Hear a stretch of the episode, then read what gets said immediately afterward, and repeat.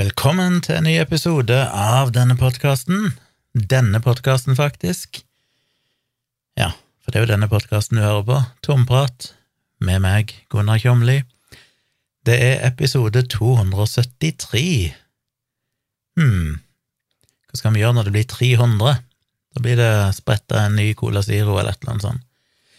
Jeg håper dere satte pris på forrige episode, som jo ble en litt spesiell episode, med ja, denne praten med Ivar Nese i forbindelse med den dokumentarfilmen han har laga som heter Politisk autoimmun, som vi diskuterte litt. Det ble jo en podkastepisode, og den ligger jo òg ute på YouTube. Hvis dere ikke har hørt podkasten ennå, så kan dere òg finne videoopptaket av den praten jeg og han hadde, inne på YouTube-kanalen min, som heter Tvilsom med Tjomli, eller bare inn på YouTube og søk etter tomprat eller politisk autoimmun, så finner du både hans dokumentar, min kritiske video og samtalen mellom oss. Du får sikkert tre treff hvis du søker på politisk autoimmun, og det er de tre videoene der. Så det kan dere jo sjekke ut. Og så er det hyggelig om dere gir videoen en like, abonner på kanalen min og alt dette her. Det hjelper alltid på. En hyggelig kommentar er jo nyttig for å spre ordet. Jeg skal ikke si så mye mer om det, jeg ranta vel litt om det i forrige episode. Ja, ikke forrige, da, for det var jo intervjuet, men gangen før det blir det vel. Og så minner jeg på at den livestreamen av samtalen vår, og videoen og podkasten, lå ute en del dager i forveien inne på min Patrion. Så hvis du òg ønsker å få enkelte ting tidlig, og du ønsker å få denne podkasten, alle episoder, litt før alle andre, og uten reklame, så kan du altså bli Patrion, og da får du det, i tillegg til andre ting. I tillegg så er det jo noen av dere kanskje fått med dere at det dukker opp en liten overraskelse i podkast-appen til mange, og det var rett og slett at vi slapp en ny episode av Dialogisk her på lørdag, var det vel, lørdag kveld. Fordi eh, jeg var jo i Oslo i forrige uke, og da troppa rett og slett meg og Dag opp i studio hos Moderne Media og spilte inn en episode. Som vanlig helt uten noen plan. Vi hadde ikke diskutert noen ting i forkant. Jeg tror bare begge tenkte at uh, nå er det 15 måneder siden sist, så da har vi sikkert litt å prate om.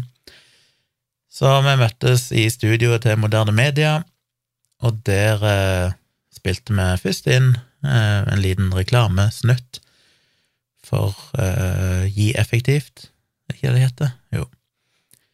.no. Og så spilte vi inn episoden, og den ble jo på et par timer med prat om alt mulig rart mellom himmel og jord. Det er jo sånn det ofte er med meg og Dag. Vi bare starter et sted, og så var det snakking om alt ifra urinering til, til mer seriøse ting. Så litt, litt, av alt. Og det ble tatt godt imot, virker det som. Mange hyggelige tilbakemeldinger, folk som har savna oss, og det er jo veldig gøy. Hvis ikke du har hørt den, så må du for all del resubscribe, altså gå inn og søke opp Dialogisk i podkastappen din eller på Spotify, og abonnere på nytt, så du får den nyeste episoden, og òg episoder som kommer i framtida, for vi kommer nok til å spille inn flere episoder, det blir bare ikke ukentlig, men vi kommer til å prøve å få klaske inn en episode de gangene jeg er i Oslo, så forhåpentligvis en gang i måneden, som et minimum, hvis det klaffer for begge er planen. Uten noen sånn fast utgivelsesplan. Det kan bli lengre perioder uten, og det kan bli kanskje til og med kortere intervaller hvis jeg er i Oslo ofte og Dag er keen på å spille inn. Så følg med på det. Abonner på Dialogisk igjen. Jeg håper dere setter pris på det. Jeg tipper det er mange av mine lyttere her som har hørt på Dialogisk før, så dere vet sikkert om det allerede. Jeg har jo hinta om dette et par ganger tidligere i denne podkasten, men eh, allerede før jul tror jeg jeg hintet om det, for jeg sendte jo en mail til Dag allerede før jul og spurte om han kunne tenke seg å prøve å spille inn en månedlig episode, og da var han jo for så vidt positiv til det. Han hadde bare litt travelt med turneen sin og andre ting i privatlivet, så vi måtte liksom vente til utpå nyåret, men så kom jo lockdown, holdt å si igjen, så det gjorde at jeg ikke reiste inn til Oslo, fordi disse restaurantene jeg tar bilde av, de stengte jo ned i januar. Så først når det åpna seg opp igjen, så skulle vi egentlig spille inn da for en måned siden, i begynnelsen av februar. Men da gikk jo eh, Dag hen og fikk covid, så da fikk vi ikke spilt inn da heller. Og da sa jeg vel, tror jeg, i episoden før, så sa jeg at eh, jeg skulle til Oslo neste uke, og at det kanskje kom en liten overraskelse. Men det gjorde det jo da ikke, for da ble jo plutselig det kansellert på grunn at Dag ble sjuk. Men nå, endelig, fikk vi det altså i boks. Så nå eh, trenger jeg ikke holde det hemmelig lenger. Jeg har liksom holdt det litt hemmelig, for det, de siste tre månedene så er det jo i ny og ne folk i livestreamen min og sånn, som har snakka om at 'å, savner dialogisk', 'å, kan du ikke få med deg Dag og starte opp igjen dialogisk'? Og så har jeg bare måttet si liksom at nei, det vi får se, med et eller annet, litt sånn diffust. Men egentlig så visste jeg jo innerst inne at vi hadde jo planlagt allerede da, allerede fra før jul, og eller litt tidlig desember, egentlig, å prøve å spille inn på nytt, men vi visste ikke akkurat når. Og så hadde vi litt lyst til at det skulle være en overraskelse, at det bare skulle dukke opp en episode plutselig, uten noen fanfare eller forvarsel. Bare for å se litt reaksjonene, og det var jo litt gøy, å se når folk ble litt sånn shit. plutselig så kom det en episode. Og vi sa jo når vi slutta sist Dette blir litt som a-ha. Sånn nei, nå legger vi opp, og så to år seinere så er de på turné igjen. Men vi la jo egentlig opp i desember 2020, og da sa vi jo veldig tydelig, men ikke av abonner, ikke unsubscribe, fordi det kan jo være det dukker opp episoder. Kan jo være vi får lyst til å gjøre noe mer seinere. Så mange som hadde holdt seg til det, virker det som, som plutselig da fikk en ny episode uten forvarsel. Så ja, det var gøy. Og det var veldig gøy. Det var virkelig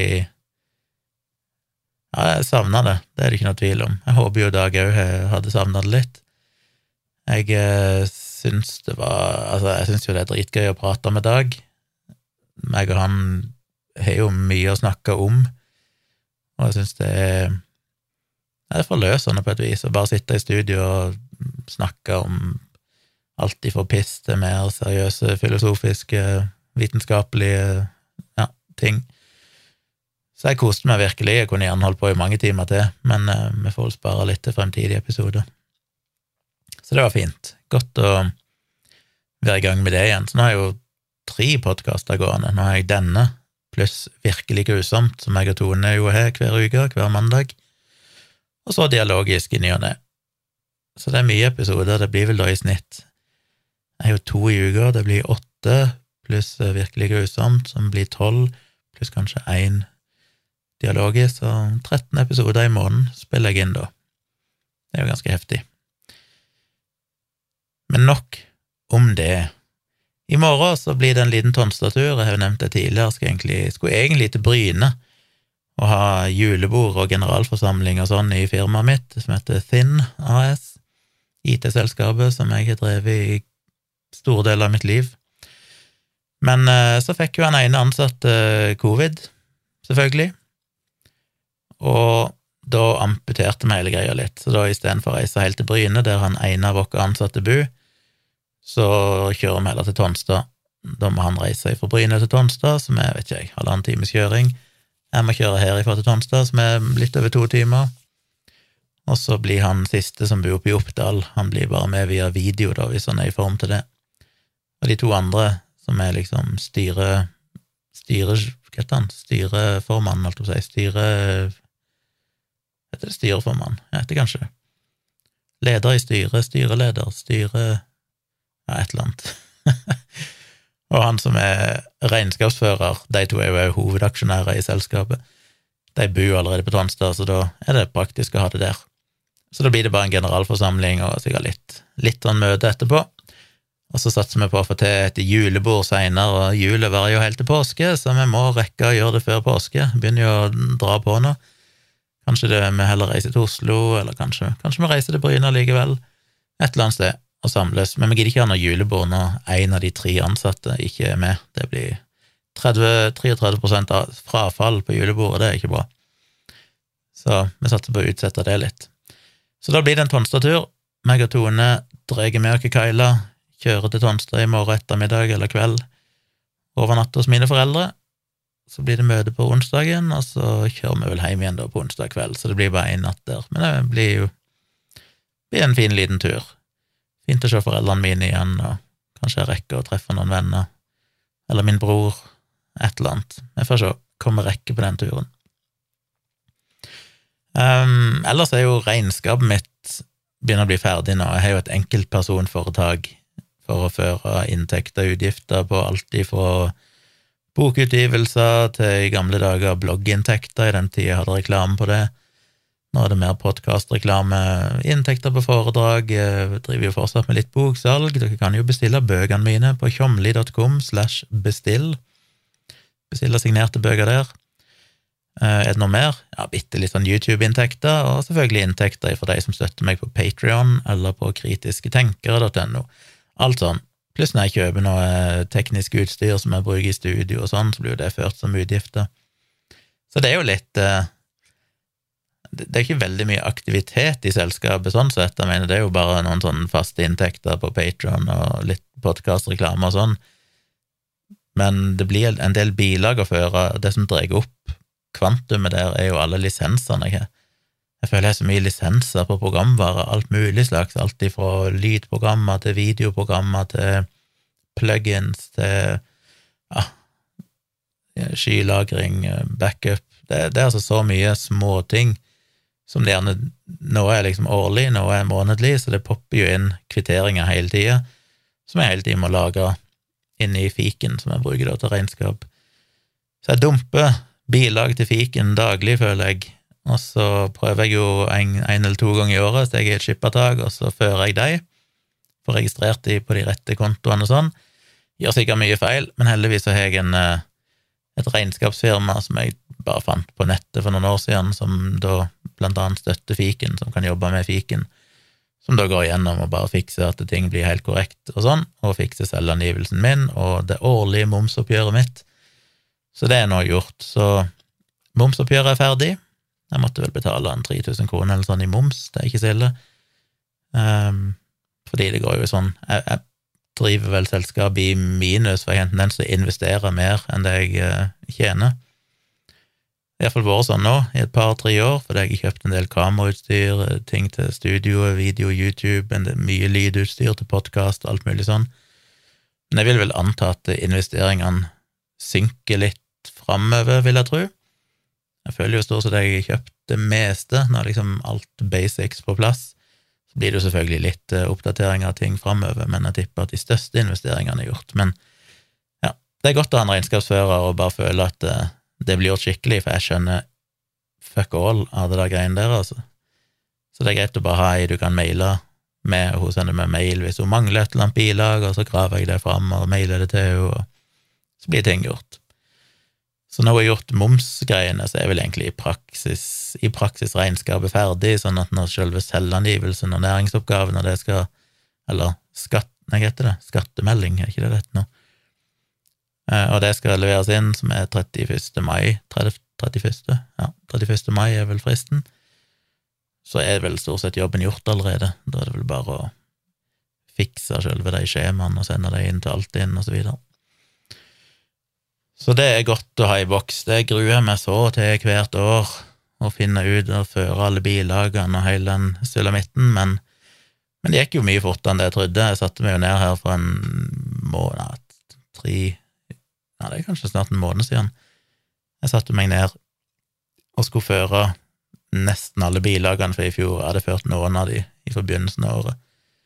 Men, eh, men det går jo fort med fiken når ting er satt opp riktig og sånn, så er det stort sett bare å klikke seg inn på ett et bilag.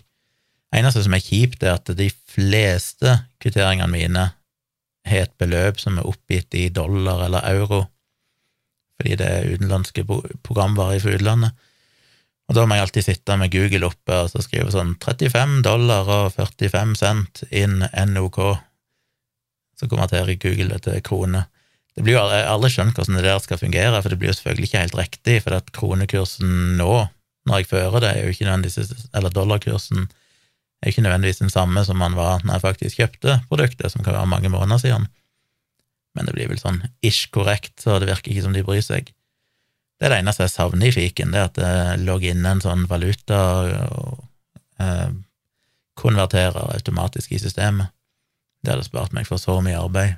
For den leser jo innholdet i fakturaen, alle bilagene automatisk. Når jeg laster opp et bilag, så finner den i de aller, aller fleste tilfeller så finner den automatisk riktig beløp og dato og sånn, og autofyller alt. Men han oppgir jo beløpet da i dollar, for eksempel, og så må jeg sjøl konvertere det i Google og skrive inn kronebeløpet. Så akkurat det kunne de ha automatisert hvis det hadde vært mulig, spesielt hvis det var mulig at de da så på datoen, og de visste de hadde historikk over akkurat kursen den dagen og sånn, så de kunne fått det mest mulig korrekt. Men uh, det er mulig jeg er et særtilfelle, at det er en minoritet av de som bruker fiken, som har så mye utenlandske fakturaer som deg, eller bilag. Mulig. Men, uh, men ja, så det er iallfall eh, stort sett gjort godt å ha det ut av verden. Jeg er jo fortsatt spent, selvfølgelig, hva, hva det ender opp med på selvangivelsen og alt dette her, men det time will show. Uh, neste uke så reiser vi jo til Oslo, som jeg har nevnt. Da skal jeg inn og holde et foredrag for uh, Nibio i, uh, borte i Østfold en plass, i nærheten av Moss. Og da reiser vi inn til Oslo og blir der et par-tre netter, ser det ut til.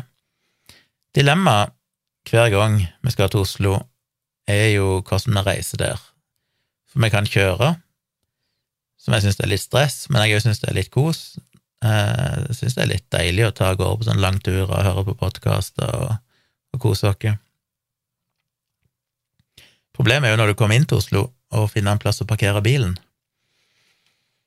Så vi har vel de siste par gangene nå så har vi parkert hos foreldrene til Tone, som bor i Asker, og det er jo veldig greit, men da må vi komme oss fra huset deres til togstasjonen i Asker, og så må vi ta toget inn til sentrum, men det er jo relativt billig, for det er jo bare en sånn ruterbillett, og så tar det vel, vet ikke 20 minutter eller et eller annet sånt.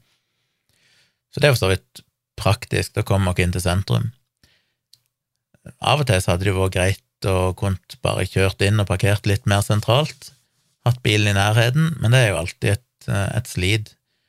Her eh, i ja, en gang vi var inne, når var det? Tidligere i år en gang, da vi bodde på Majorstua på sånn apartment-hotell. Så, eh, så, hadde de parkering inkludert, men da var det jo sånn under forutsetning av at det var ledige plasser, og det er jo litt sånn stress. Og så er jo det fortsatt litt sånn litt, uh, litt mer stress, for det at jeg må komme meg av gårde onsdag morgen, så må jeg komme meg ned til Oslo S, og da skal jeg ta toget ned til Moss eller Rygge eller et eller annet sted og må dra med meg en koffert med bøker, blant annet, og litt sånn, så det er greiest å være i nærheten av Oslo S, sånn at jeg kan stå opp om morgenen og bare komme meg av gårde fort. Så det er det evige dilemmaet. Jeg fikk jo et tips, jeg satt jo og klagde på dette her i fjor en gang, eller, og da var det noen som tipsa meg om Parkopedia. Parkopedia.com, tror jeg det, som er ei nettside der du kan søke opp parkeringsplasser rundt om i hele verden, og du kan se priser og betingelser. Eh, men den er jo ganske mangelfull. Det er fryktelig mange parkeringsplasser en ikke vet noen ting om prisen, og det er litt sånn mangelfull informasjon om når du egentlig kan parkere der og sånn. Og så vet du jo selvfølgelig ikke om det faktisk kommer til å være ledig der. Så jeg sliter alltid litt med å bruke den. Så er det jo selvfølgelig hoteller som har parkering eh, i nærheten, men hvis det er sentralt, så betyr jo bare det at det er et parkeringshus i nærheten, og det koster jo ofte flere, flere hundre kroner per natt eller per døgn å ha bilen der, så det er heller ikke så gunstig. Pluss at jeg helst vil unngå å måtte kjøre inn i Oslo sentrum. Det, det vil jeg unngå lengst mulig. Det syns jeg er dritskummelt, så vil helst ikke det. Men parkering er alltid et dilemma. Men det er for så vidt greit nok, så lenge vi kan parkere hos eh, foreldrene av Tone. Og hvis ikke de er tilgjengelige til å kunne kjøre oss til stasjonen, så er det jo bare en eh, tre minutters kjøretur, så det er billig å bare bestille en taxi. Det koster vel ikke mange kroner å ta en taxi for deg til stasjonen, så det er egentlig ganske greit. Det andre dilemmaet dilemma er jo Kyla, hun er noe. Fordi vi syns jeg koser med hunden, og vi har nesten alltid hatt henne med. Vi har vel egentlig alltid hatt henne med. Men eh, det er to problemer med å ha med Kyla til Oslo. Det ene er at eh, det begrenser antall hoteller du kan bo på, så du må ha et kjæledyrvennlig hotell. Og det er et mindretall av de som eh, tillater at du er med kjæledyr. Og så må du som regel betale gjerne sånn 400 kroner ekstra per natt for å ha med et kjæledyr. Så er du der tre netter, så det blir si 1200 kroner ekstra for at Kyla skal være med, i tillegg til at du ofte ender opp med et dyrere hotell, for det er et begrenset antall hotell som tillater kjæledyr. Så alt i alt så blir det jo fort et par tusen kroner dyrere å ha med Kyla, hvis du skal være for eksempel tre netter. Det andre dilemmaet er at det begrenser oss jo veldig med hva vi kan gjøre når vi er i Oslo.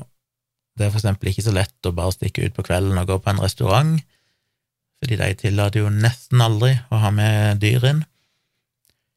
Så Tone, ei venninne, kanskje jeg kan si med ei venninne, men egentlig ei som Tone ble kjent med her i fjor, som er supergrei og syns det er veldig stas å passe Kyla, så hun kan stille opp, men eh, når vi skal være der såpass lenge og sånn, så blir det mye planlegging, og så er det ikke sikkert det passer for hun akkurat når vi trenger at noen passer Kyla, og så videre. Så det, det, er veldig hyggelig at hun kan passe henne eh, i ny og ne, men eh, samtidig så føles det alltid litt sånn stress å spørre henne om det, selv om hun sier at hun bare syns det er topp å passe Kyla. Så vi skal se denne gangen her om jeg kan eh, prøve å la min eh, eks og min datter, min ekskone, og min datter som bor i Kristiansand, se om de kanskje kan passe Kyla.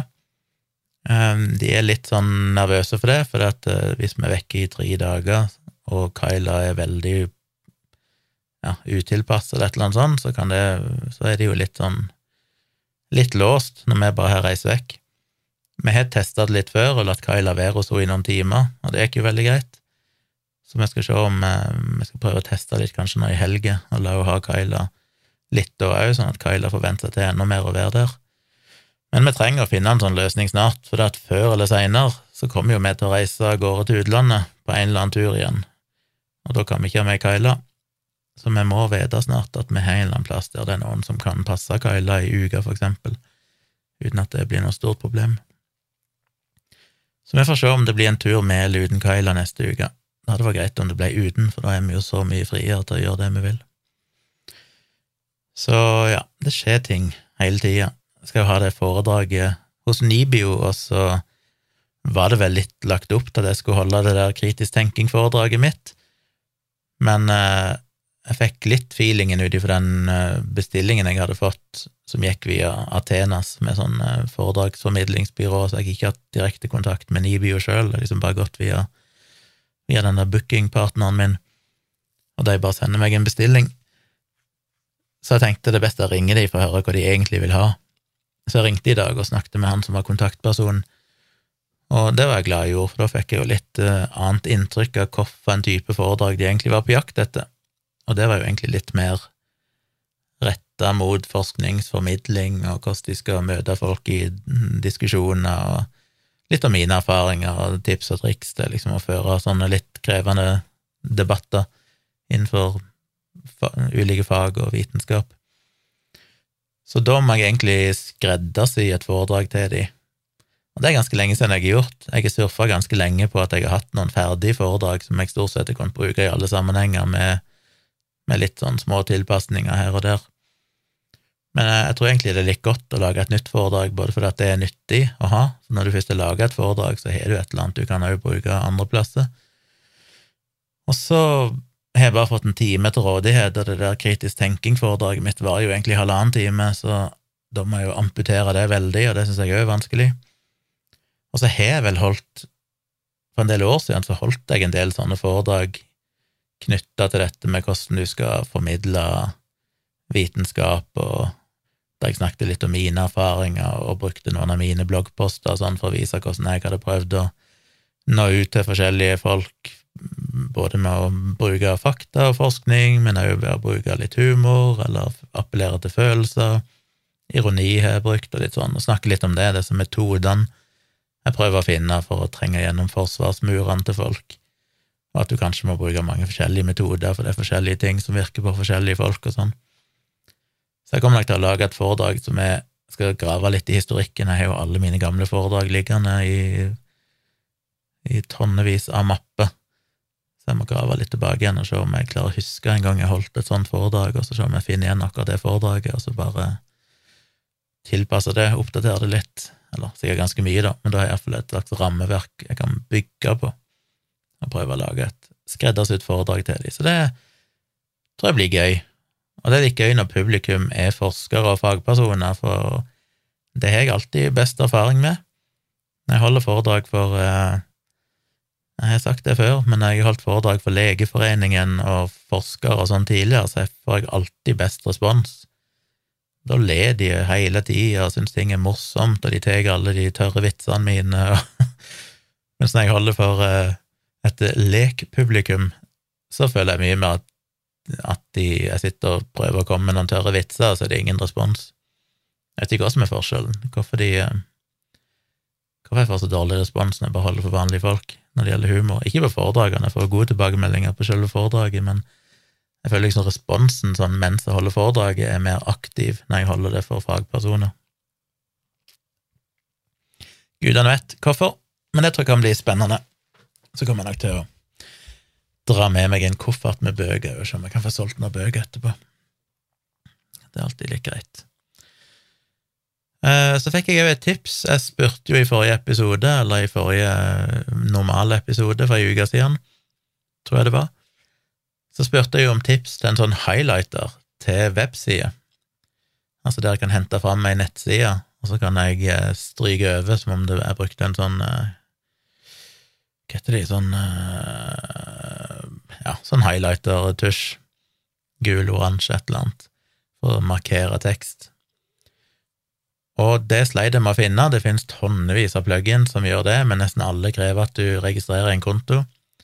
Og så dagen etterpå så dukket det opp en tweet der det var ei, og nå husker jeg ikke navnet, og den ligger så langt bak i historien at jeg tror ikke jeg finner den igjen i farten, så beklager til deg at jeg ikke husker å si hvem du var. Men eh, jeg fikk et tips, og det umiddelbart så syns jeg navnet hun tipsa om eh, på den pluginen virka litt kjent, og tenkte han at da har hun ikke fått med seg at det, jeg var liksom litt redd for det at noen skal komme med et forslag som er sånn Jesus, jeg har jo selvfølgelig sjekka alle disse her pluginene, men problemet er jo at de krever en konto, og veldig ofte så står det ikke noe i beskrivelsen om at de krever en konto. Du merker det først når du installerer pluginen, og så sier han plutselig at du må logge inn, eller opprette en konto på et eller annet. Så først så bare rakk jeg ikke å se på han, og bare tenkte nei, det er sikkert bare noe dill. Men så litt seinere hadde jeg litt tid til å se på det, og så testa jeg ut, og så var det sånn oi, shit, det var jo spot on. Det var akkurat det jeg var på jakt etter. En helt perfekt uh, plug-in som heter eh, Super Simple Highlighter, rett og slett. Som er en plug-in til Det er vel til Chrome. Mulig han finnes det flere. Jeg bruker jo Brave, men han funker der òg. Og den gjør akkurat det jeg trenger. Det er bare en plug-in. Du trenger ikke registrere noe konto, det blir ikke synkronisert noe data med noe server eller noe sånt, men du bare merker tekst på sida, høyreklikker på teksten, og så kan du velge blant et tonn med forskjellige farger du ønsker å markere det i. Altså Hvis du klikker på ikonet til den highlighteren òg, så får du opp en oversikt med alle de tekstsetningene eller utdragene som du har markert i ei liste, og du kan eksportere de til ei fil hvis du vil det, og kan jo lagre de sidene du markerer i en sånn oversikt over sider som du lett skal finne igjen, som du vet du har markert tidligere og sånn. Men alt ligger bare lokalt i nettleseren, så Ulempen med det er jo selvfølgelig at du får ikke noe synkronisering mellom flere nettlesere hvis du har flere maskiner. Eh, det ville du sikkert fått hvis du hadde hatt en konto og logget inn og han synkroniserte det med server og sånne ting. Men som sagt, jeg ønsker bare noe sånn midlertidig greie her. Jeg trenger bare å markere det akkurat nå mens jeg snakker om det i podkasten, og så kan bare de markeringene forsvinne for min del etterpå. Så takk, tusen, tusen takk for det tipset, det gjør det så mye lettere, og nå skal jeg snakke om noen ting etter hvert. Jeg har oppe noen websider, og jeg har markert, og det gjør det så mye lettere. For Tidligere har jeg gjerne hatt en lang forskningsartikkel eller et eller annet sånn med tonnevis av tekst, og så må jeg bare prøve å huske liksom hvor var de viktige tingene, og prøve å ta det i real time for det, som jeg har sagt tidligere. Orker ikke notere for mye før podkasten, for da blir jeg sittende i timevis. Så jeg må liksom bare prøve å, å winge det litt. Men med den highlighteren så gjør det jo så mye lettere. Da kan jeg markere de viktigste punktene i rød, for eksempel, og så kan jeg ta litt sånn mindre viktige ting, som jeg kanskje nevner i oransje, og så kan jeg velge andre ting i gult, og så Så det er litt sånn struktur, å markere de setningene som er sånne knagger, som jeg husker at dette skulle jeg si noe om, og dette må jeg få, få med meg. Det gjør jobben min utrolig mye lettere her, så tusen takk for det tipset. Super Simple Highlighter. Hva er ikke den heter? Jeg passer på at jeg ikke sier, sier feil. La meg åpne About. Jo, Super Simple Highlighter. Veldig, veldig bra. Tipp topp. Skal se om jeg kan få huske å lenke til den i shownotes hvis noen andre er interessert. Ellers så har jeg jo noe å se fram til om ei uke. Da skal omsider min nye Macbook Pro M1 Max 16-tommers ankomme. Jeg bestilte jo den for nei, i slutten av januar, og så skulle han leveres snart, men i dag så endra han status til at han var skipt, så nå er han på vei ifra Kina til Norge med estimert leveringsdato 22. mars, men av erfaring så pleier de alltid å komme én til to dager tidligere enn det som står. 22. mars er jo dagen vi skal reise til Oslo, og hvis ikke jeg har fått den 21. mars, så blir jeg litt stressa, for det er sånn å, jeg har ikke lyst til å reise til Oslo uten å ha fått den. Eh, men den skal vel leveres senest klokka fire, ifølge planen. Så men eventuelt det er jo sånn TNT som kommer og leverer den på døra, som eventuelt reiser etter klokka fire. Det hadde vi kanskje tenkt, muligens tenkt å gjøre uansett, det vet jeg ikke helt. Men uh, mest sannsynlig så får jeg den dagen før, og det vil jeg helst, fordi da kan jeg bruke den kvelden på å installere alt jeg trenger av programmer, og synke alle cloud-greiene mine og sånne ting, og få ting på plass, sånn at jeg kan dra den med meg til, til Oslo og ha en god maskin der. Og da kan jeg selge min eh, litt eldre Mac Mini, som jeg ikke trenger lenger da, og min eh, ganske nye Macbook Air med M1-prosessor, som jeg kjøpte for omtrent et år siden, nå er det vel. Så da havner de på finn.no, så håper jeg får hente inn eh, kanskje en sånn halvparten, nesten, av kostnaden av den nye Mac-en ved å selge de gamle. Så det, det er jo alltid noe drit å selge ting på finn.no, jeg har gjort mye av det i det siste. Men uh, stort sett så går det bra. Alltid litt hassle. Jeg hadde jo, vet ikke om jeg sa det i en podkast der i fjor, men rett før vi skulle flytte til Vennesla, så kom jo de nye iPhonene, og Tone kjøpte jo en ny iPhone 13, skulle da selge sin gamle iPhone 12. Hun er ikke så glad i å gjøre det sjøl, så jeg får alltid den jobben med å legge ut annonse og følge opp alle henvendelser og sånn. 90% av henvendelsene er jo selvfølgelig alltid bare folk som spør eller bruker det sånn automatisk ferdig melding der det står 'Hei, jeg er interessert, er du villig til å diskutere prisen?' Og så blir jeg alltid så oppgitt, for det er sånn ja, ja, men kom nå med en pris, da. Ikke bare spør om jeg er villig, som jeg først svarer ja, og så etterpå skal de komme med en pris. De har ingenting å tape med å faktisk komme med en pris med en gang, fordi uansett så blir jo svaret ja eller nei. Så det er så mye styr. Men til slutt så var det jo en fyr da som var villig til å betale. Eh, han fikk han vel litt billigere enn det jeg hadde lagt han ut til. Det var mange som hadde spurt om en mye, mye lavere pris, men det var sånn Jesus, jeg har ikke tenkt å gi han vekk heller.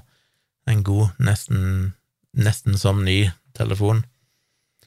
Så det var til slutt en som var villig til å betale en pris jeg aksepterte, og så hasta det litt òg fordi vi skulle flytte, sånn, så jeg måtte egentlig bli kvitt den før vi skulle flytte. Jeg tenkte det var lettere å selge den i Oslo enn i Kristiansand. Selv om det selvfølgelig går an å sende i posten og sånn, men det er jo det vi styr. Og så spurte han vel, når han drev og sendte meldinger til meg, om han kunne betale Jeg tror han spurte om han kunne betale cash, men så sa jeg ja, nei, jeg vil helst du betale med VIPS eller et eller annet, for det det der å få en bunke sedler i hånda, og så må du da finne ut hva som gjør verden får jeg de inn på konto, Må enten finne en sånn kontantautomat der du kan putte inn penger, hvis det er noe styr med det òg. Jeg vet ikke om det hvordan det er med dem, om de funker uansett hvilken konto du har, eller om du må ha DNB, eller jeg vet ikke. Og så er det litt forskjellige butikker som tar imot cash òg, men det er jo litt avhengig av hvilken bank du bruker og sånn, tror jeg. Jeg vet ikke. Uansett så er det iallfall styr, heller enn å bare få de rett på konto. Så jeg sa det, nei, jeg måtte, måtte, måtte betale VIPS. Og så avtalte vi tid, så kom han på kvelden, og så var han så creepy, fordi han kom og parkerte der vi bodde i Oslo, og jeg gikk ut og møtte han, men normalt så regner jeg med at det bare er en sånn rask handel, at de vil bare se telefonen, og så eventuelt sjekke han litt, og så får jeg pengene, og så er det greit. Men han viste ingen interesse for telefonen, han bare sånn ja, hei, hvordan går det? Og så begynte han å snakke om alt mulig, om jobb og greier, og jeg bare sånn Jesus, jeg er ikke her for å bli kjent med deg, jeg skal bare selge deg telefonen. og til slutt så kom han endelig til dette telefongreiene, da. Men han skulle jo teste alt. Han måtte sjekke at absolutt alt virka, og selvfølgelig en del av meg skjønner at han vil være sikker på at han, kjøper, at han ikke kjøper katter i sekken, men jeg har aldri før opplevd det, at det er noen som må teste alt. Så han måtte Jeg hadde jo risatt telefonen, så den var klar til å liksom settes opp av en ny bruker, og han gjorde jo det. Han satte opp telefonen fra scratch, og vi sto der ute i høstmørket. Jeg sto og venta og trippa, og så når han endelig hadde fått installert alt, gått gjennom alt, uh, satt opp Face ID, og det var ikke måte på alt han måtte gjøre, så måtte han jo teste om uh, mikrofonen virka, så vi måtte jo finne det der lydprogrammet, så han kunne spille inn en test, og så spille det av igjen.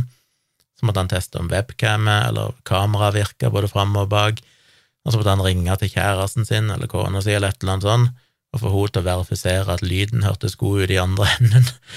og det tok altså så lang tid, jeg tror vi sto der ute i 40 minutter eller sånn, og til slutt så var han fornøyd, og da skulle han betale, og så kommer han med ei bunke cash. Og så var det sånn, ja, han hadde noe problem med bank-ID den dagen, og så han hadde ikke fått ordna det, og bla, bla, bla. Og så var det sånn Nå har jeg stått der i fuckings uh, evigheter. Jeg, jeg, kan ikke si til han nå at nei, det går ikke, og så må jeg prøve å selge den til noen andre. Nå vil jeg bare bli kvitt den fuckings telefonen. Nå har jo han satt opp hele telefonen på seg sjøl og alt mulig. Så jeg tok nå bare imot de pengene, og jeg tror Tone fortsatt har de pengene liggende, jeg har ikke fått satt de inn på konto, fordi det er sånn et styr. Så det er mange rare folk, men så er det andre som er Jeg solgte jo et av kameraene mine her nå nylig. Etter jeg kjøpte den nye Sony A24, så solgte jeg et av mine Sony A23-kamera. Og det var sånn helt motsatt. Jeg var veldig hyggelig. Ble enig om å sende kamera i postoppkrav. Jeg tror jeg jobba for et reklamebyrå oppe i Trondheim. Og jeg er jo veldig nøye på det når jeg selger ting. Jeg er jo så nøye på at kjøperen skal bli fornøyd. Så jeg beholder jo alltid alt av originaleske og sånn. Så hun fikk jo det kameraet som vel var et par år gammelt, jeg husker ikke helt hvor gammelt det var, men uh, hun fikk jo kamera i originaleske med alt av dokumentasjon, hver eneste kabel som hadde fulgt med opprinnelig, originalt batteri, altså alt var jo som om du hadde kjøpt det i butikken, bortsett fra at det var brukt. Pakka det inn veldig godt i kasse med masse polstring og sånn, sendte det av gårde til henne etter avtalt tid, og hun fikk det betalte betalt via postoppkrav og alt dette her, og det gikk jo smooth. Og da fikk jeg jo heldigvis en god rating der hun skrev, faktisk. Jeg blir glad når folk tar seg bryet til det. Skrev liksom at jeg var veldig fornøyd og hadde fått alle delene, og alt var i tipp topp stand, og pakka så godt, og bla, bla. Og det hjelper jo å ha noen gode ratings på, eh, på finn.no. Men det er jammen meg mye søppel der ute. Det er mye rare folk som skal prøve seg. Det virker som det er noen folk som bare lever av å kjøpe skrabunn på finn.no skal prøve å få alt så himla billig, og så selger de det sikkert bare videre etterpå. Slitsomme folk. Men ja. Det siste jeg skal si av ubetydelige ting, er at podkasten min fortsatt mangler kapitler, eller chapter markers, som det heter, som er synd. Fordi når jeg snakker, når jeg snakker i Jesus, jeg snakker snart 40 minutter om bare piss, så er det jo greit for folk å kunne skippe rett de temaene de kanskje er interessert i. Så jeg har jo, for en del episoder tilbake, så begynte jeg jo med sånn chapter markers, men så flytta jo Moderne Media-podkasten over til en ny plattform, og der blir de chapter markersene strippa vekk når, de, når jeg laster opp filer. Så jeg legger de fortsatt inn, for jeg vil ha de, selv om dere aldri ser de, fordi jeg har purra på de senest i dag og spurt om de snart kan få fiksa det, at de kan få konvertert eller prosessert de MP3-filene laste opp uten å strippe vekk chapter markers. Så jeg håper de får det på plass etter hvert. Og da vil jeg de skal reprosessere alle de gamle podkastene, eh, sånn at de, de, som hadde chapter markers, kan få det tilbake igjen. Så derfor legger jeg det inn, for jeg satser på at en dag kommer, det til å virke, og da skal det virke på de gamle episodene òg. Så bare for å si det at hvis det er noen som savner de, så er det ikke fordi jeg har slutta med det, jeg har ikke glemt det, jeg legger de inn, de er bare ikke synlige, men de vil bli det etter hvert, så sorry, jeg synes det er kjipt når jeg først tar meg bryet til det, og det er jo ganske nyttig, men det kommer forhåpentligvis tilbake en dag. Så over til innhold, og det er godt jeg er tomprater så lenge nå, for da trenger jeg ikke bruke altfor mye tid på de artiklene, siden det ofte er komplisert. Men det var noen artikler som dukket opp i løpet av uka som er gått, som jeg bare har lagra og tenkt det kan jeg jo si noe om. Den første handler om alkohol og hjern, hjernen. Sorry, jeg må ha litt Cola Zero.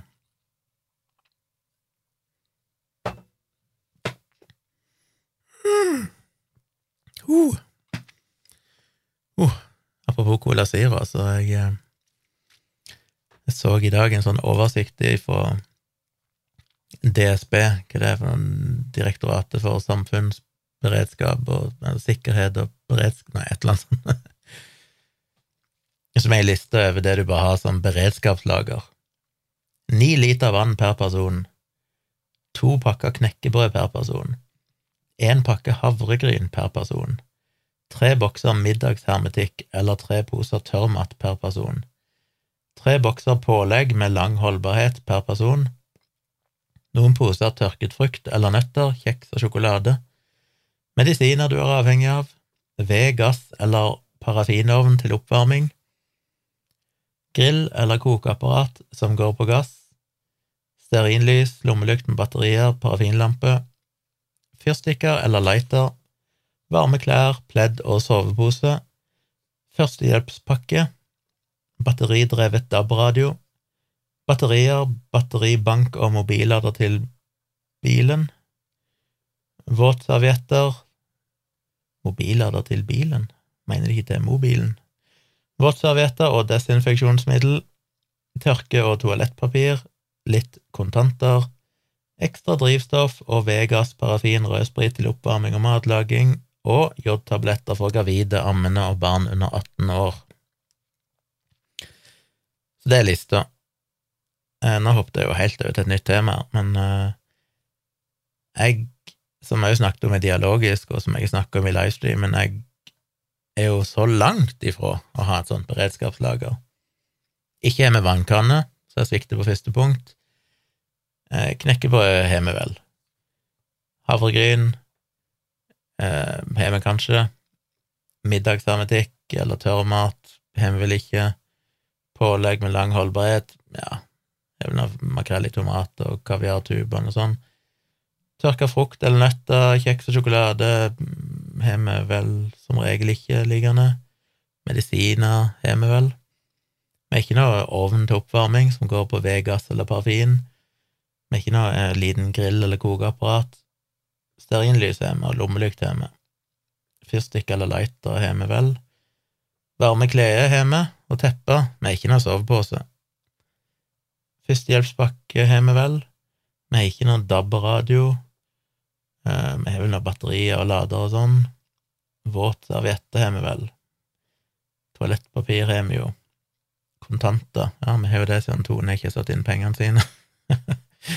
Bare be jo aldri sette det inn, da, Så vi bruker det som beredskapskontanter. Ekstra drivstoff til sånn ovn og sånn. Ja, vi har jo ikke sånn ovn, så jodtabletter har vi ikke, men det trenger vi vel ikke. Så de aller fleste tingene på lista har vi jo faktisk ikke. Og igjen, jeg eh, tror neppe jeg kommer til å stresse. Jeg, jeg gidder ikke å kjøpe en fuckings parafinovn bare for å ha i tilfelle det blir atomkrig, liksom. Um,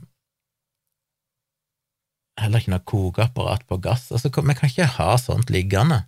Vi kan ikke bruke mange tusen på å kjøpe inn sånne ting når du Jeg vet ikke hva jeg skal ha det engang, og så må du drive og oppdatere det med ny gassikker i ny og ne, og nei, det virker helt uh, Det virker helt urealistisk. Sovepose har vi ikke.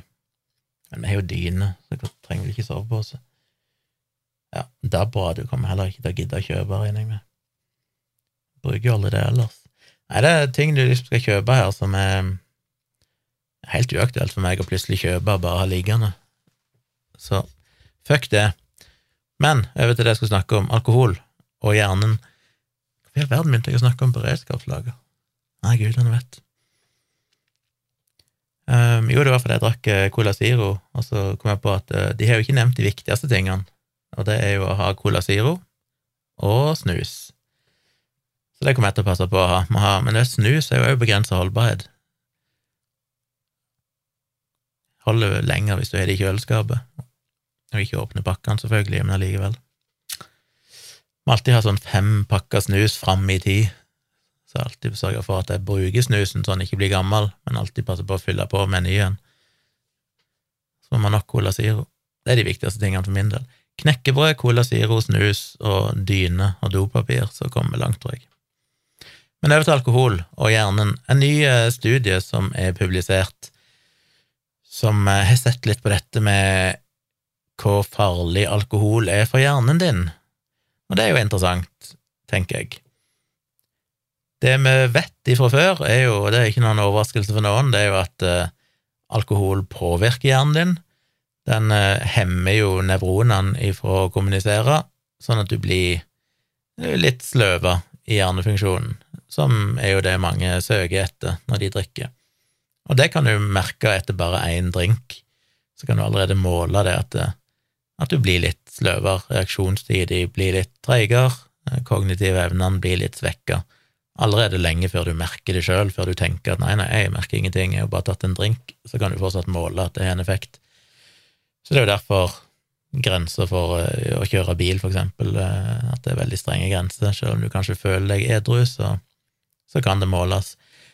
Så vi vet jo at alkohol påvirker hjernen. Vi vet òg at hvis du misbruker alkohol, hvis du drikker veldig mye, kronisk eh, tung alkoholmisbruker, så får du hjerneskade.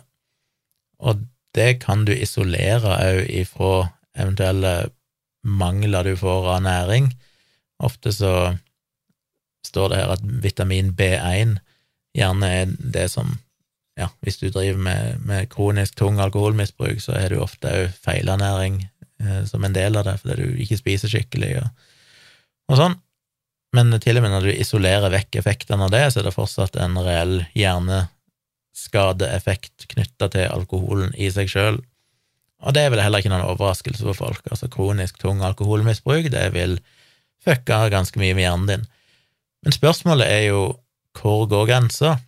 Jeg har jo skrevet om det i bloggen, mener jeg, tidligere, at når det gjelder risiko for kreft, for eksempel Vi vet jo at alkohol er jo et veldig kreftfremkallende middel, og forårsaker veldig mye av krefttilfellene eh, i verden som folk merkelig nok ikke tenker på. Det er så alltid så rart når alt mulig skal merkes med liksom at det er kreftfarlig, men, men alkohol blir ikke merka som det. Det burde jo absolutt ha vært. Det burde jo stått en Jeg mener, skal du merke snus og sånn, som de vel for så vidt ikke gjør, for de har vel ikke funnet nok dekning for det, så de skriver bare at den kan være helseskadelig, helseskadelig og er avhengighetsskapende. Men eh, på tobakk og sånn, så kan de jo skrive at eh, det gir kreft. Det skriver de jo merkelig nok ikke på alkohol, selv om alkohol er et eh, klasse 1 karsinogen. Altså, vi vet 100% sikkert at det fører til kreft. Spørsmålet der òg er jo liksom hva er grensa? Er det sånn at det finnes en trygg mengde alkohol du kan drikke? Hvis du bare drikker så lite, så er det ikke noe risiko. Det er først når du kommer over ei viss grense at det begynner å øke risikoen for kreft. Og det har vi ikke noe dekning for å si, så det en sier, er at det finnes jo ingen trygg nedre grense av alkoholinntak. Altså, alt du drikker, vil øke risikoen litt for å få kreft. Selvfølgelig øker risikoen mindre hvis du drikker lite og sjelden, enn hvis du drikker mer. Men uh, det er ikke sånn at hvis du bare drikker et glass vin i uka eller i måneden, så, så har det ingen skadelige effekter. Det har det. På den annen side sett vil sikkert de skadelige effektene da være mindre enn mye annet du gjør i livet ditt, så det er jo alltid en balanse en må, må, ta. Men det samme gjelder jo med hjernen her. Det er liksom, er det en nedre grense? Vi vet at tung alkoholmisbruk påvirker hjernen, eh, skader hjernen, men er det en grense der det er trygt? Eller er det en lineær sammenheng? Altså drikker du ett glass vin om dagen eller én alkoholenhet om dagen, så er risikoen et eller annet. Drikker du to, så er risikoen dobbelt så stor. Drikker du tre enheter om dagen, så øker risikoen eh, til tregangen. Altså er det en sånn lineær stigning? Eller er det sånn at drikker du én alkoholenhet, så er risikoen et eller annet nivå? Drikker du to, så blir plutselig risikoen fire ganger høyere. Drikker du tre glass om dagen, så er det plutselig ti ganger farligere. Altså er det en sånn eh, eksponentiell eller logaritmisk eh, økning. Er det det det heter? Det er dårlig matte. Iallfall. Uh, så det vet vi ikke, og er det ei grense, som sagt, som er helt trygg, der vi egentlig ikke finner noen effekter. Og da er det en uh, studie som nylig er gjort, publisert i Nature Communications, som vel brukte helsedata fra Storbritannia, hvis ikke jeg husker feil, uh, og har sett på nesten 40 000, eller 36 678 middelaldrende og eldre voksne i uh, helseregister i, i, Storbritannia. Folk som ellers er sunne og friske, altså ekskludert folk som har andre sykdommer og sånn. Men helt normale, eh, godt voksne mennesker opp til gamle mennesker. Og der har de sett på hjernevolumet, hvor mye grey matter, altså denne grå Heter det grå masse på norsk? Det er sånn du alltid bare leser på engelsk. Når jeg plutselig skal si det på norsk, så blir jeg usikker på hva det heter. Ja, iallfall den grå hjernemassen, og strukturen i hjernen, og òg denne hvite massen i hjernen, strukturen på den. Så de har sett generelt sett da på en del eh, en del variabler knytta til hjernen, da. Og så har de sammenligna det med hvor mye alkohol de drikker. Og da brukte de da alkoholenheter, der én alkoholenhet i denne studien tilsvarte en halv øl eller et glass vin. Og eh, Nei, det er kanskje en halv øl eller et halvt glass vin. Så to alkoholenheter er altså enten ei øl eller et glass vin. Sånn var det vel. Og det de har gjort, eh, er at de har estimert ut ifra si, normalen hvordan hjernen, hjernevolum, alt dette her, burde være på forskjellige aldre. Og så er de korrigert da for alt ifra ja, selvfølgelig alder, høyden deres, eh, om de er høyre- eller venstrehendte, kjønn, om de røyker eller ikke, sosioøkonomisk, sosioøkonomisk status, eh, litt genetisk historikk for individene, og hvor de bor hen. Eller ja, altså hvor i England de bor hen. Og ut ifra alle de dataene så kan de gjøre noen sånn relativt gode estimater på hvordan burde hjernen din se ut på en viss alder, når du er 45, eller når du er 55, eller 60, eller 70, ut ifra alle de variablene og faktorene de kan korrigere for. Og så er de sammenligna det med det faktiske hjernevolumet, og kunne da sammenligne det med hvor mye alkohol den enkelte personen drikker. Og det de fant, var en negativ korrelasjon mellom alkoholkonsum og hjernevolum. Og en negativ korrelasjon betyr ikke at det ikke er en korrelasjon, det betyr derimot at jo mer alkohol du drikker, jo mer krymper hjernen. Og det fant de helt ifra bare én drink, altså to alkoholenheter per dag. De fant ingen forskjell mellom å drikke ingenting eller å drikke én alkoholenhet om dagen, altså et halvt, eh, halv flaske øl eller halvt, eh, halvt glass vin, men de fant altså en statistisk signifikant forskjell ifra null til to. Så det betyr allerede fra ett glass vin om dagen, eller et, ei øl om dagen, så fant de altså en effekt på hjernen. Og det vil jo kanskje overraske noen, for det er jo denne vanlige med at ja, ja, det er sunt å ta et glass vin om dagen, eller jeg tar bare et glass vin om dagen, det er jo ikke farlig. Et glass vin til maten på kvelden, det må jeg ha. Men de finner altså her en helt tydelig sammenheng da mellom effekten på hjernen allerede ved så lite inntak. Og de fant òg at det var ikke en lineær sammenheng, men det var en uh, uh, Hva var det de kalte det? En geometrisk økning, hva enn det betyr. ikke det det samme som eh, eksponentiell eller et eller annet sånt? Et eller annet i den duren. For det, det de fant, var at hvis du hadde én drink om dagen, så så hjernen din seks måneder eldre ut enn det han egentlig skulle ha vært. Så hvis du er 45, så så han, var hjernen like påvirka som om du hadde vært 45 og et halvt år. Så kanskje ikke så mye med én drink om dagen, Hjernen din blir seks måneder eldre enn den ellers ville vært. Men hvis du hadde fire drinker om dagen, som vel her da er åtte alkoholenheter, så så hjernen din ti år eldre ut. Så en 45-åring ville da hatt hjernen til en 55-åring. Kanskje ikke det er så stor forskjell der, men du merker det fort hvis du er 65 og har hjernen til en 75-åring. Da begynner du å, å merke litt mer, for det er jo effekter på kognitive evner, hukommelse og alt mulig sånn.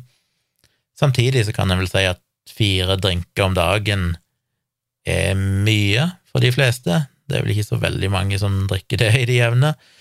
Men det er klart, hvis du ser på ei uke, og du eh, fordeler det utover dager Er du ute i helgene, ute på fredagskvelden og lørdagskvelden, og du tyller i deg en del glass vin eller en del øl i løpet av en kveld, så blir det fort i snitt noen eh, drinker per dag hele uka gjennom.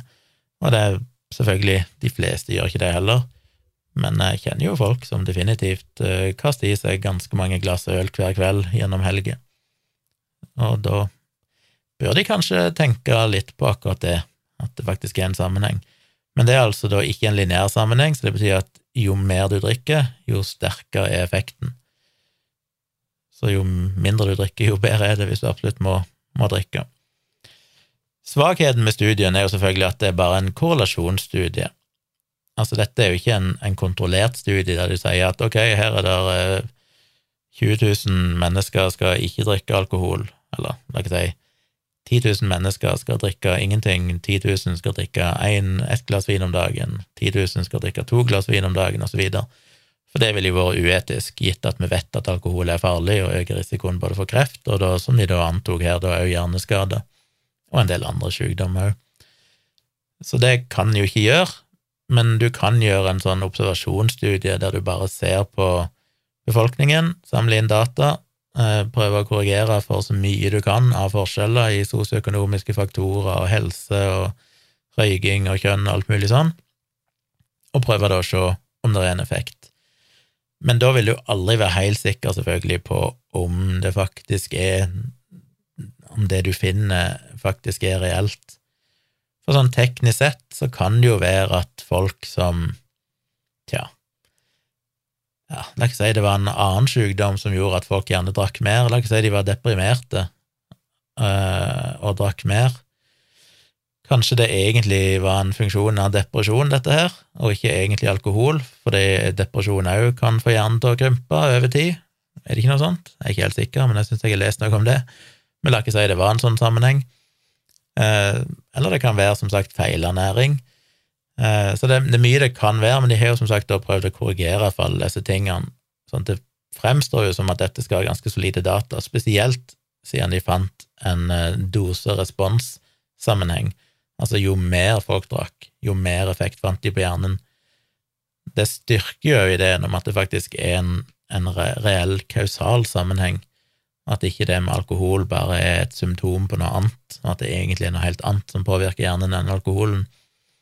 Eh, spesielt når vi i tillegg vet veldig sikkert at mye alkoholmisbruk definitivt påvirker hjernen negativt, så er det jo rimelig å anta at òg moderat alkoholforbruk vil ha en effekt. Så vi vet jo ikke sikkert. Eh, disse dataene bør replikeres eh, i andre studier, men det virker da relativt sannsynlig at, at det er en, en sammenheng der så vet vi jo ikke helt sikkert, da, på grunn av de svakhetene, akkurat hvor sterk den sammenhengen er, og alt mulig sånn, men det er vel rimelig å anta at det er en sammenheng. Så takeaway-poenget er vel, som jeg alltid sier, det er en absurd verden vi lever i. Vi har liksom klart å gjøre det til Altså, det var så mye helseguruer, inklusiv eh, Berit Nordstrand og sånn, som har, har promotert ideen om at et glass vin om dagen er bra. Når eh, det kom, For det første har vi jo visst at det ikke stemmer lenge, men det er jo i det siste kommet ganske mye nye data, inklusiv denne studien, som faktisk finner at det har kanskje mer negative effekter enn det vi trodde. Eh, selv om det kanskje finnes en liten positiv effekt knytta til rødvin på hjerte-karsykdommer, så ser altså den ut til å, å drukne i de negative effektene knytta til kreft og eventuelt hjerneskader og sånne ting. Leverskader og mye annet. Så det er jo noe å tenke på. Drikker du et glass vin om dagen, eller to, så øker du definitivt både kreftrisiko og mest sannsynlig også risiko for å, å svekke hjernen over tid. Så får en jo ta de prioriteringene og vurderingene en sjøl vil, men det er iallfall greit å være informert. Jeg skal lenke til den artikkelen som oppsummerte dette så fint på eh, Neurologica-blogg, som jo da er Steve Novella. Så kan dere jo lese det sjøl hvis dere vil det. En annen eh, studie som jeg òg tror Steven Novella har skrevet om, skal se om jeg finner den bloggposten hans òg, men jeg, eh, jeg, kom over studien før jeg så at han hadde skrevet om det, og ikke hans artikkel for meg. Jeg har bare selve originalstudien, som ble publisert i The Lancet eh, ganske nylig, som jeg synes er interessant, for den har jo da analysert data rapportert til VAERS og WeSafe eh, i perioden 14. desember 2020 til 14. juni 2021, altså seks måneders periode, og har sett på effekten eller eventuelle bivirkninger av mRNA-vaksinene mot covid-19.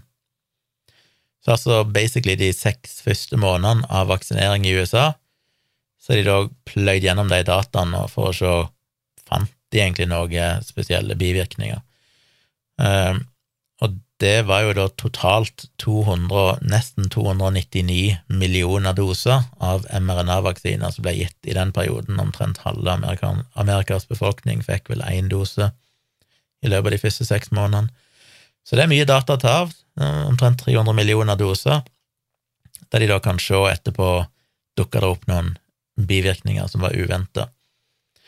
De har som sagt sett på to databaser, de har sett på Wires, og de har sett på VSafe, VSafe. Wires er jo snakka mye om tidligere, og det er jo bare en sånn frivillig database der egentlig hvem som helst kan rapportere inn bivirkninger som de mener kommer ifra vaksiner, eller som de iallfall har opplevd etter fått vaksine, uten at det betyr at det er noen sammenheng i det hele tatt. Som sagt, i de mest ekstreme tilfellene så er det jo folk som blir påkjørt av biler og alt mulig sånn, som blir registrert som dødsfall etter vaksiner, selv om selvfølgelig så hadde ikke, hadde ikke det noe med vaksinen å gjøre.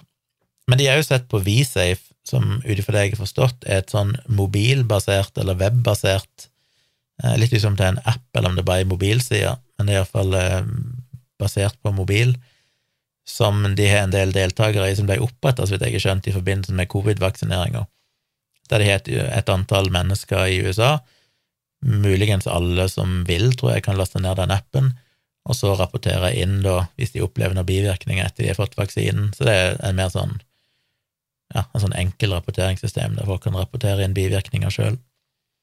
Det er klart, begge de to er jo litt prega av at ingen av de kan si noe om det er en direkte sammenheng, de er jo bare der, begge to er jo bare der for å se om det dukker opp noen uventa signaler som de da kan gå inn og forske videre på, og se er det faktisk noe her. Eh, fordi ingen av de databasene kan egentlig si noe om det er en sammenheng med vaksinen eller ikke. Det er bare at folk har opplevd noe etter vaksinen, og så må man jo prøve å finne ut om det faktisk kan ha noe med vaksinen å gjøre, hvis det er mistenkelig mange rapporter. I VAERS-rapportene så kategoriserte de de i tre grupper, enten ikke-alvorlige, eller alvorlige, eller dødsfall. Liksom de tre kategoriene. Eh, det de fant, var at i VAERS-databasen så var det totalt og på 300 millioner doser, som sagt, så ble det rapportert ca. 340 000 bivirkninger, og 92% av de var ikke alvorlige. Altså det er hodepine, vondt i muskelen i armen, eh, lettfeber og sånne ting som skjer etter vaksiner. 6,6% av de ble regna som alvorlige, men de alvorlige er jo som regel forbigående. Som regel betyr det at de har oppsøkt legen, kanskje blitt lagt inn til overvåking, men skrevet ut igjen veldig fort. Eh, og det er det samme som vi har sett i Norge, at du har en viss andel som blir regna som alvorlige, men det betyr ikke at det er varige skader eller noe sånt. Det betyr bare at, eh, at, pasienten ble lagt inn til observasjon. Og de fleste av de tilfellene er jo gjerne at folk besvimer av vaksinen, som ofte ikke har noen ting med vaksinen å gjøre, det handler bare om nåleskrekk. Men besvimer de etter vaksinen, så skal de, blir de gjerne tatt inn til observasjon, og noen av de må kanskje være i natt på sykehuset, men det er jo ikke alvorlig. Og så godt som absolutt alle har jo blitt helt friske igjen. Så igjen er det 6,6% alvorlige, så man husker på at det er folk som sannsynligvis var helt friske igjen en eller to dager seinere, men det blir regna som en alvorlig bivirkning. Og så er det noen få av de som faktisk kan være alvorlige. Altså en sånn ting som en uh, anafylaktisk sjokk eller en sånn allergisk reaksjon er jo en alvorlig bivirkning. Det er jo noe du kan dø av. I praksis er det jo ingen som har dødd av det, så vidt vi vet, fordi du skal vente 20-30 minutter etter vaksinen, og de allergiske reaksjonene skjer som regel innen noen veldig få minutter etter du har fått vaksinen, og da får du behandling med en gang, og så går det greit. Eh, så det er alvorlig, men alle som har fått det òg, har jo blitt friske igjen eh, og kunne gått hjem igjen samme kvelden. Så det er viktig å huske på hva alvorlig betyr. Det er så mange som tenker når de hører alvorlig bivirkning, så tenker de at det er noe som folk ble varig skada, fikk en permanent skade eller et eller annet sånt. Det er det ytterst sjelden at vi ser. Og så var det 1,3% dødsfall. Og det høres jo skummelt ut. For du tenker 1,3% altså litt over én av hundre som fikk vaksinen, daua. Det kan jo ikke være bra. Men eh, husk på at det var 1,3% av rapportene, altså 1,3% av de 350 rapportene, ikke av de 300 millioner dosene. Så 1,3 av de rapportene er vel bare 0,000 et eller annet 1% av de faktiske vaksinedosene som ble satt. Det samme med 6,6% alvorlige bivirkninger, det var jo 6,6% av de 350 000 rapportene, som jo da bare var 1 promille av vaksinedosene igjen, siden det ble gitt 300 millioner vaksinedoser. Så dette er jo ekstremt små tall. Eh, og så er det jo det med de dødsfallene at eh, samme som i Norge, at det gjelder jo nesten bare gamle folk. Eh, og eh, da er jo spørsmålet døde de av vaksinen, eller er dette folk som ville ha dødd uansett i løpet av noen dager etter vaksinen, av ren statistisk sannsynlighet eh, eller tilfeldighet? Fordi mange av disse folkene dør hele tida fordi de er gamle og syke. Og det har de selvfølgelig gått inn og granska, akkurat som i Norge, og funnet det her òg, at uh, de har vel ikke funnet noen sammenheng som kan knyttes til vaksinen. Det kan jo folk si at ja, ja, men det betyr jo ikke at det ikke var vaksinen. Nei, det er sant, og da er det jo viktig igjen, som jeg òg snakket mye med Ivar Nes om, og som jeg har snakka mye om tidligere, dette med overdødelighet. Da må man se på ja, men var det da flere som døde i den perioden enn normalt, og det fant en ikke.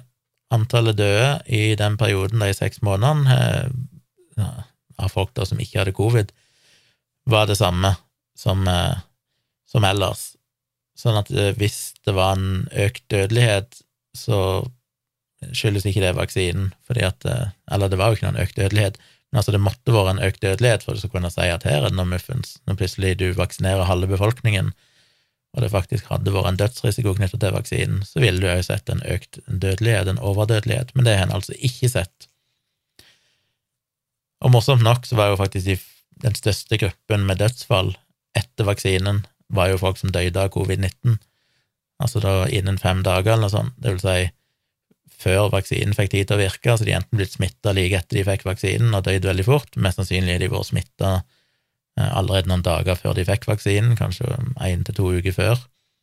Og så eh, døde av komplikasjoner etter de fikk vaksinen, da, men det var jo covid-19 de døde av, i så fall.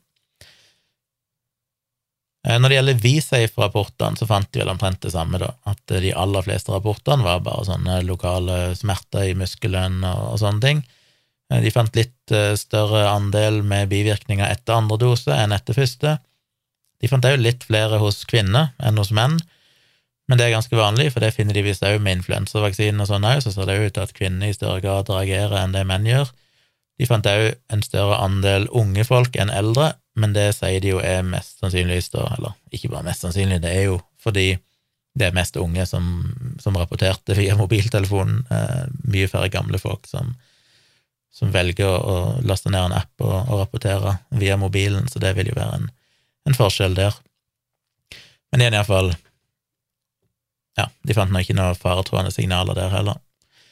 Um, ja, jeg har forklart hva VRC er, jeg har forklart hva VSafe er. Jeg skal bare finne neste, neste highlight av tekst, så jeg maser mye om det. Så det de fant totalt sett, at etter 298 millioner doser av mRNA-vaksiner, så fant de at eh, bivirkningsprofilen var helt lik det de forventa ut ifra de kliniske eh, studiene som var gjort, altså disse godkjenningsstudiene, de dataene de fant der, og ifra de tidligste dataene de hadde etter at vaksinen ble begynt gitt, så ble de jo fulgt veldig nøye med hva som skjedde, og de fant ikke noe nytt etter seks måneder og nesten 300 millioner vaksinedoser gitt. Eneste de har funnet, er jo som sagt denne litt økte risikoen for myokarditt hos eh, primært unge menn, som er en av de signalene de plukker opp eh, ifra overvåkingen av vaksinene i, i ja, første halvår primært. Og det finner de vel her òg, men den er jo fortsatt veldig sjelden. De fant eh, heller, som sagt, ikke noe noe rart mønster i hva folk døde av etter vaksinen, når de så på dødsrapportene.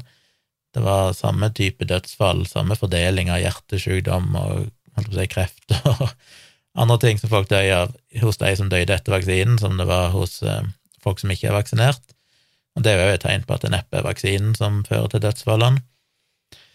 Eh, og så er det ikke alltid interessant med sånne statistiske finurligheter, for eksempel det at de fant jo oftest dødsfall etter vaksinen skjedde veldig kort tid etter at vaksinen var gitt. Og det er sånn, ja, det styrker jo ideen om at det faktisk må være vaksinen. For det var flere, en liten opphopning av dødsfall som ble rapportert kort tid etter vaksinen var gitt, sammenlignet med for eksempel to uker seinere. Men det sier de jo mest sannsynlig er rett og slett fordi at når folk dør veldig kort tid etter vaksinen, så er det mye større sjanse for at det faktisk òg blir rapportert til VAERS, for eksempel. Dør folk to uker etter vaksinen, så er det mindre sjanse for at eh, folk tenker at dette er noe med vaksinen å gjøre, og derfor så blir det i mindre grad rapportert. Og det kan en jo si da er ja, men betyr ikke det da at det kanskje er mange dødsfall for vaksinen som går umerka bare fordi de dør for lenge etterpå? Men igjen, hvis det hadde vært tilfellet, så ville vi sett det på overdødeligheten, eh, og ikke minst òg da hva folk døde av. Men når du finner at det er helt likt de uvaksinerte som vaksinerte, så er det liten grunn til å anta at, eh, at det har vært noe dødsfall knytta til vaksinen. Og til slutt, som blant annet David Gorski eh, på Science Based Medicine alltid liker å, å minne folk på, det er det at når du snakker med vaksinemotstandere og sånn, så trekker de alltid fram VAERS-data, fordi det er den eneste databasen de har hørt om.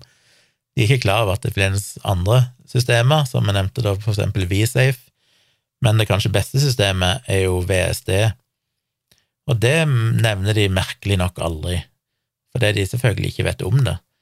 De snakker bare om VAERS-data, for det er det de har hørt om, eh, mens de snakker aldri om VSD. Og VSD, så vidt jeg har skjønt, er altså et eh, litt mer robust system, der det er flere amerikanske stater og sykehus som kontinuerlig følger vaksinering, og der de har data på de som blir vaksinert, og eventuelt, hvis de da kommer til legen senere eller blir innlagt med sykdommer og sånn.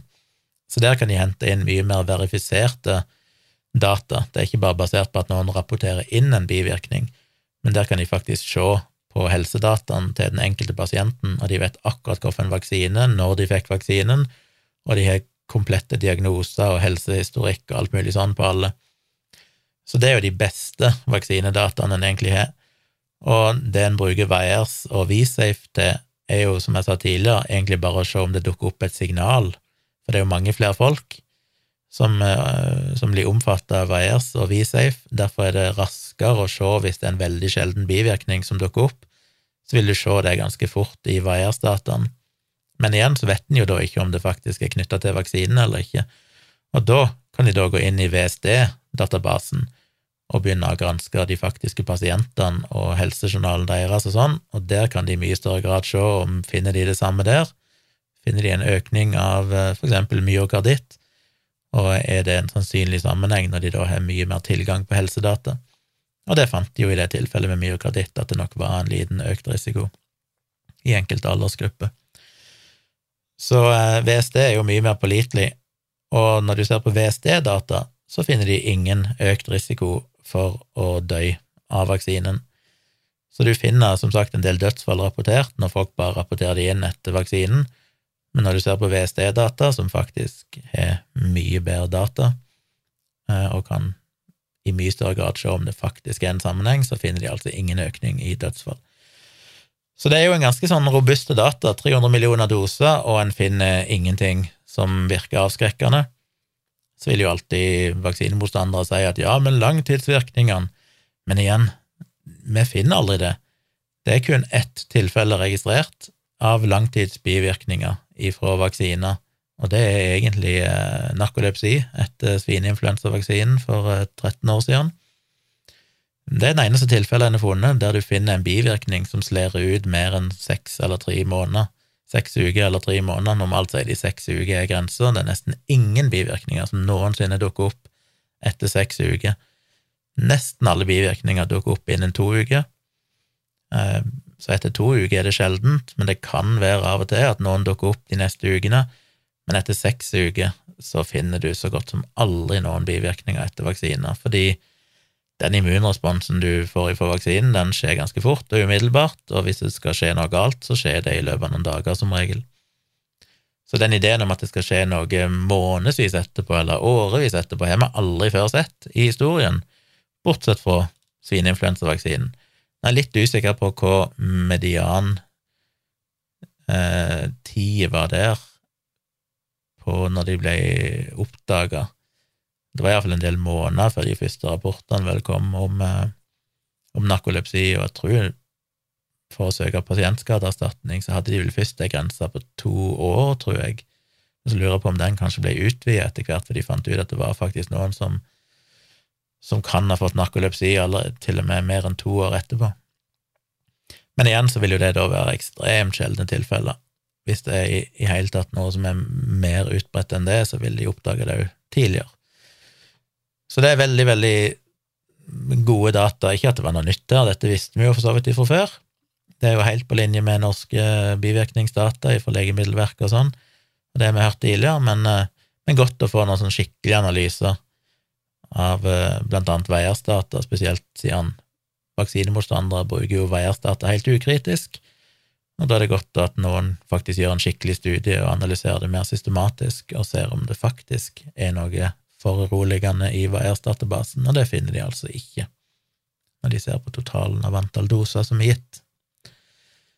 Til slutt må jeg bare ta et par eh, Et par studier knytta til maskebruk, ansiktsmaske. Jeg vet ikke hvor interessante de er, men um, det ble nylig publisert for noen dager siden med litt cola igjen. En, uh, en, studie som heter Maintaining face mask use before and after achieving different COVID-19 vaccination coverage levels, a modeling study. Så dette er altså en modelleringsstudie. Og det de egentlig så på her, var jo ikke så mye virkemaske virker maske eller ikke, men de så på hvor stor effekt har bruk av ansiktsmaske eh, før og etter du når et sånn målsetning for vaksinedekning. Og da satte de opp flere modeller med, der du hadde vaksinedekning alltid fra 70% av befolkningen skulle være fullvaksinert, til 90% av befolkningen skulle være fullvaksinert. De hadde jo satt opp forskjellige tidspunkter eksempel at de skulle være fullvaksinert innen 1. januar 2022. I andre modeller så kunne det være helt fram til 1. juli 2022. Uh, eh, ja, og så satte de opp forskjellige modeller basert på når folk slutta å bruke maske, for å se hvilke effekter det hadde da i kontekst av, av eh, vaksinedekningen på det tidspunktet. Så jeg skal ikke si mye om denne, annet enn at det de fant når de kjørte mange sånne simuleringer, der de selvfølgelig tok for seg Eh, reelle data og så liksom på faktisk smittetrykk, forskjellige områder og sånn, og gjorde forskjellige analyser knytta til dette, så fant de at det så ut til å være eh, kosteffektivt å beholde maskebruk i alt fra to til ti uker etter at eh, befolkningen hadde oppnådd vaksinemålet sitt, som da kunne være alltid fra 70 til 90% vaksinedekning. Det krevde litt lengre tid hvis det var vinter, så da kunne det kanskje ta opp mot ti uker. Altså i det øyeblikket eksempel befolkningen, 90% av befolkningen er fullvaksinert. Hvis det var vinterstid det målet ble oppnådd, så burde en kanskje bruke maske i opptil ti uker etter det òg. Hvis det var sommeren, så kunne en kanskje klare seg med bare et par uker. Uh, og de sier òg at andre faktorer som spiller inn, eksempel hvor smittsomt viruset er, eksempel når delta- og omikron-varianten kom, eller at vaksinen da slutter å virke over tid, eller blir mindre effektiv over tid, eller at eh, folk blir mer sosiale igjen, begynner å være mer tett oppi hverandre og sånn, det vil jo egentlig bare styrke effekten av vaksinen, av eh, ansiktsmaske, fant de. Altså jo større risikoen er der ute, jo mer bedre virker jo maskene. Og det har vi jo alltid visst, at er det liten risiko i utgangspunktet, så vil jo effekten av maskene være mindre. Så alt, alt av sånne variabler vil jo egentlig bare styrke eh, resultatene av denne modellen.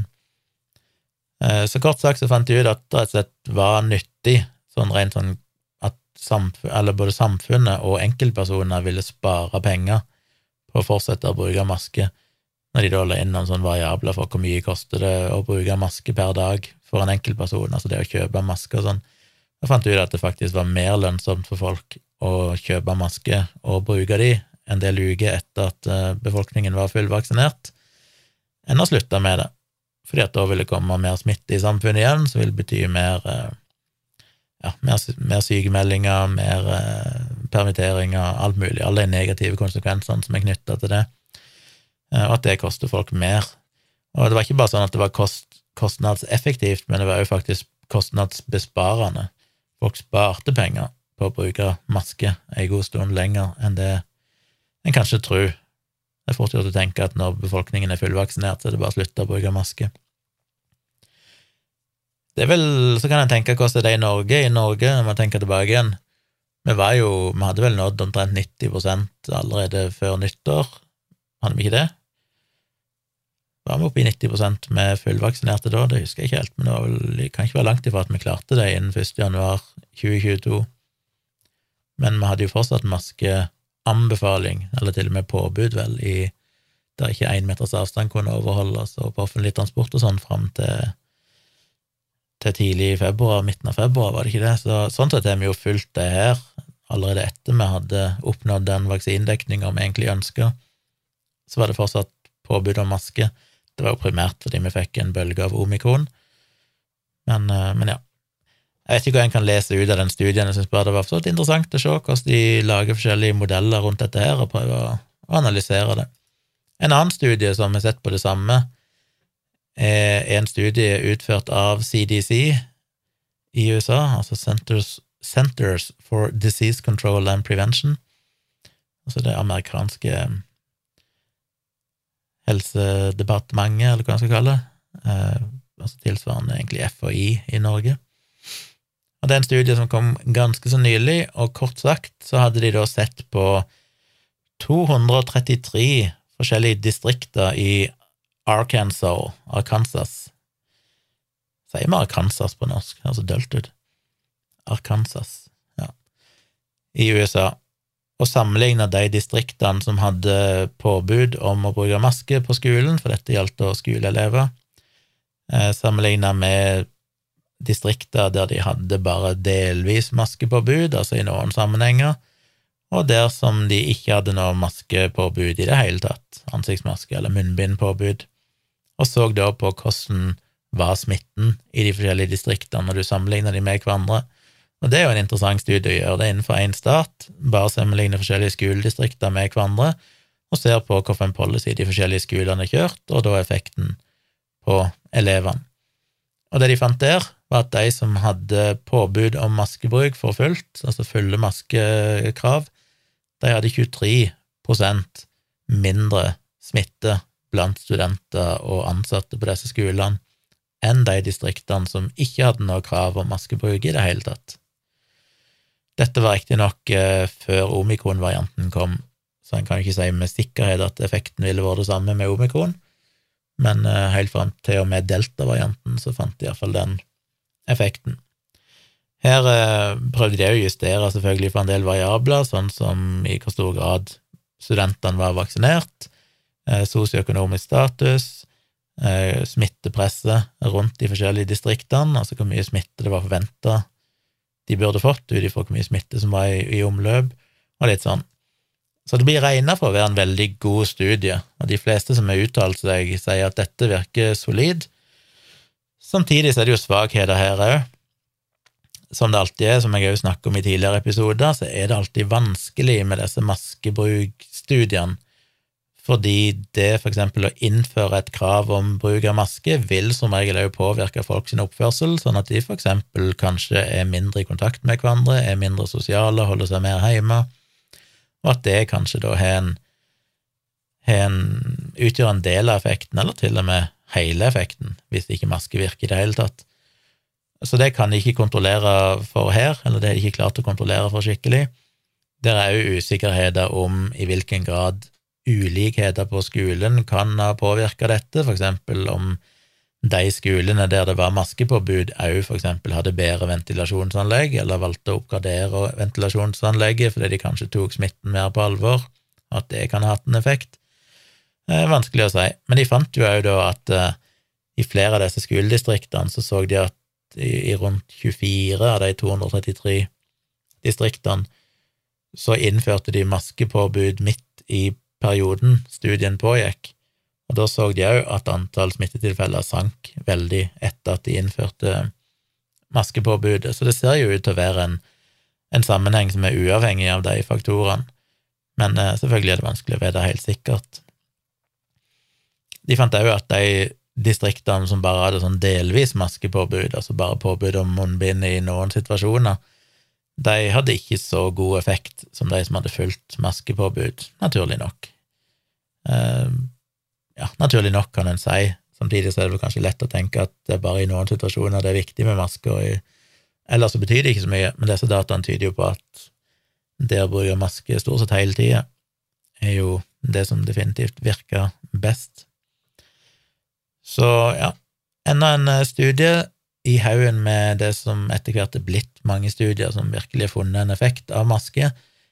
Det er ikke en sånn ekstrem god effekt, men uh, definitivt en effekt som er verdifull. Hvis dette, disse dataene stemmer, så kan du også redusere med, med nesten 25% Altså én av fire som ellers ville blitt syke, blir ikke syke hvis du har maskepåbud. Så kan jeg selvfølgelig ha en stor diskusjon om ja, ja, har det så mye å si, dette er unge folk, de blir stort sett ikke så syke allikevel. Det blir en helt annen debatt. Men i spørsmålet om maskene hadde en effekt, så fant de iallfall en god effekt her. Så det tenkte jeg var verdt å nevne, og som vanlig så lenker jeg jo til alle disse artiklene i shownotes, så dere kan klikke dere inn og lese mer detaljer sjøl. Det ble en lang episode, mye lenger enn det jeg trodde, som jeg jo ofte sier, fordi det ble mye tom prat i starten. Jeg skal bare avslutte med å si igjen, selvfølgelig, gå gjerne inn på patron.com slash tjomli og støtt meg der. Jeg reiser jo som nevnt til Tonstad i morgen, så da får jeg ikke til noen eh, livestream. Når jeg sier i morgen, så mener jeg altså tirsdag 15. mars, som sikkert er i dag for de fleste av dere. Så jeg får ikke eh, livestreama i kveld, da. Dessverre. Det fikk jeg jo ikke gjort uh... Gjorde jeg det for par uker siden? Jeg husker ikke lenger. Men iallfall, jeg får ikke gjort det ennå. Så får vi se. Vi fikk jo ikke hatt noen ærlig talt på fredag heller. Vi skal se om vi kanskje kan få det til nå på fredag. Da er vi vel hjemme. Det er en normal fredagskveld, tror jeg. Jeg satser på om vi kanskje kan få til en livestream på fredag. Men ingen vanlig tomprat live, altså, dessverre. Uh, ja, husk å abonnere på Virkelig grusomt-podkasten. Den uh, er veldig populær, og det syns jeg er veldig kult. Mange flere lyttere enn denne tomprat-podkasten her. Eh, husk å abonnere på Dialogisk igjen, for med dere nyeste episode. Eh, veldig gøy å få feedback på den, så send meg gjerne mail til tompratpodkast.gmail.com hvis dere har noe feedback på enten denne episoden eller dialogisk, eller praten jeg hadde med Ivar Neset i forrige episode. Eh, alltid hyggelig å få tilbakemeldinger, og alltid hyggelig å få litt tips til ting jeg kan snakke om. Spør i vei, så skal jeg prøve å se om jeg kan bruke det i podkasten.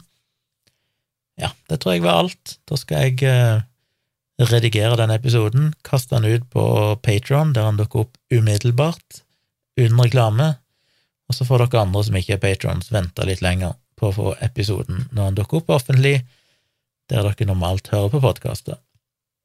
Yes. Vi høres igjen ganske snart. Jeg kommer iallfall med en ny episode på fredag av denne podkasten, om ikke annet. Så da høres vi igjen da god natt eller god morgen eller et eller annet sånt.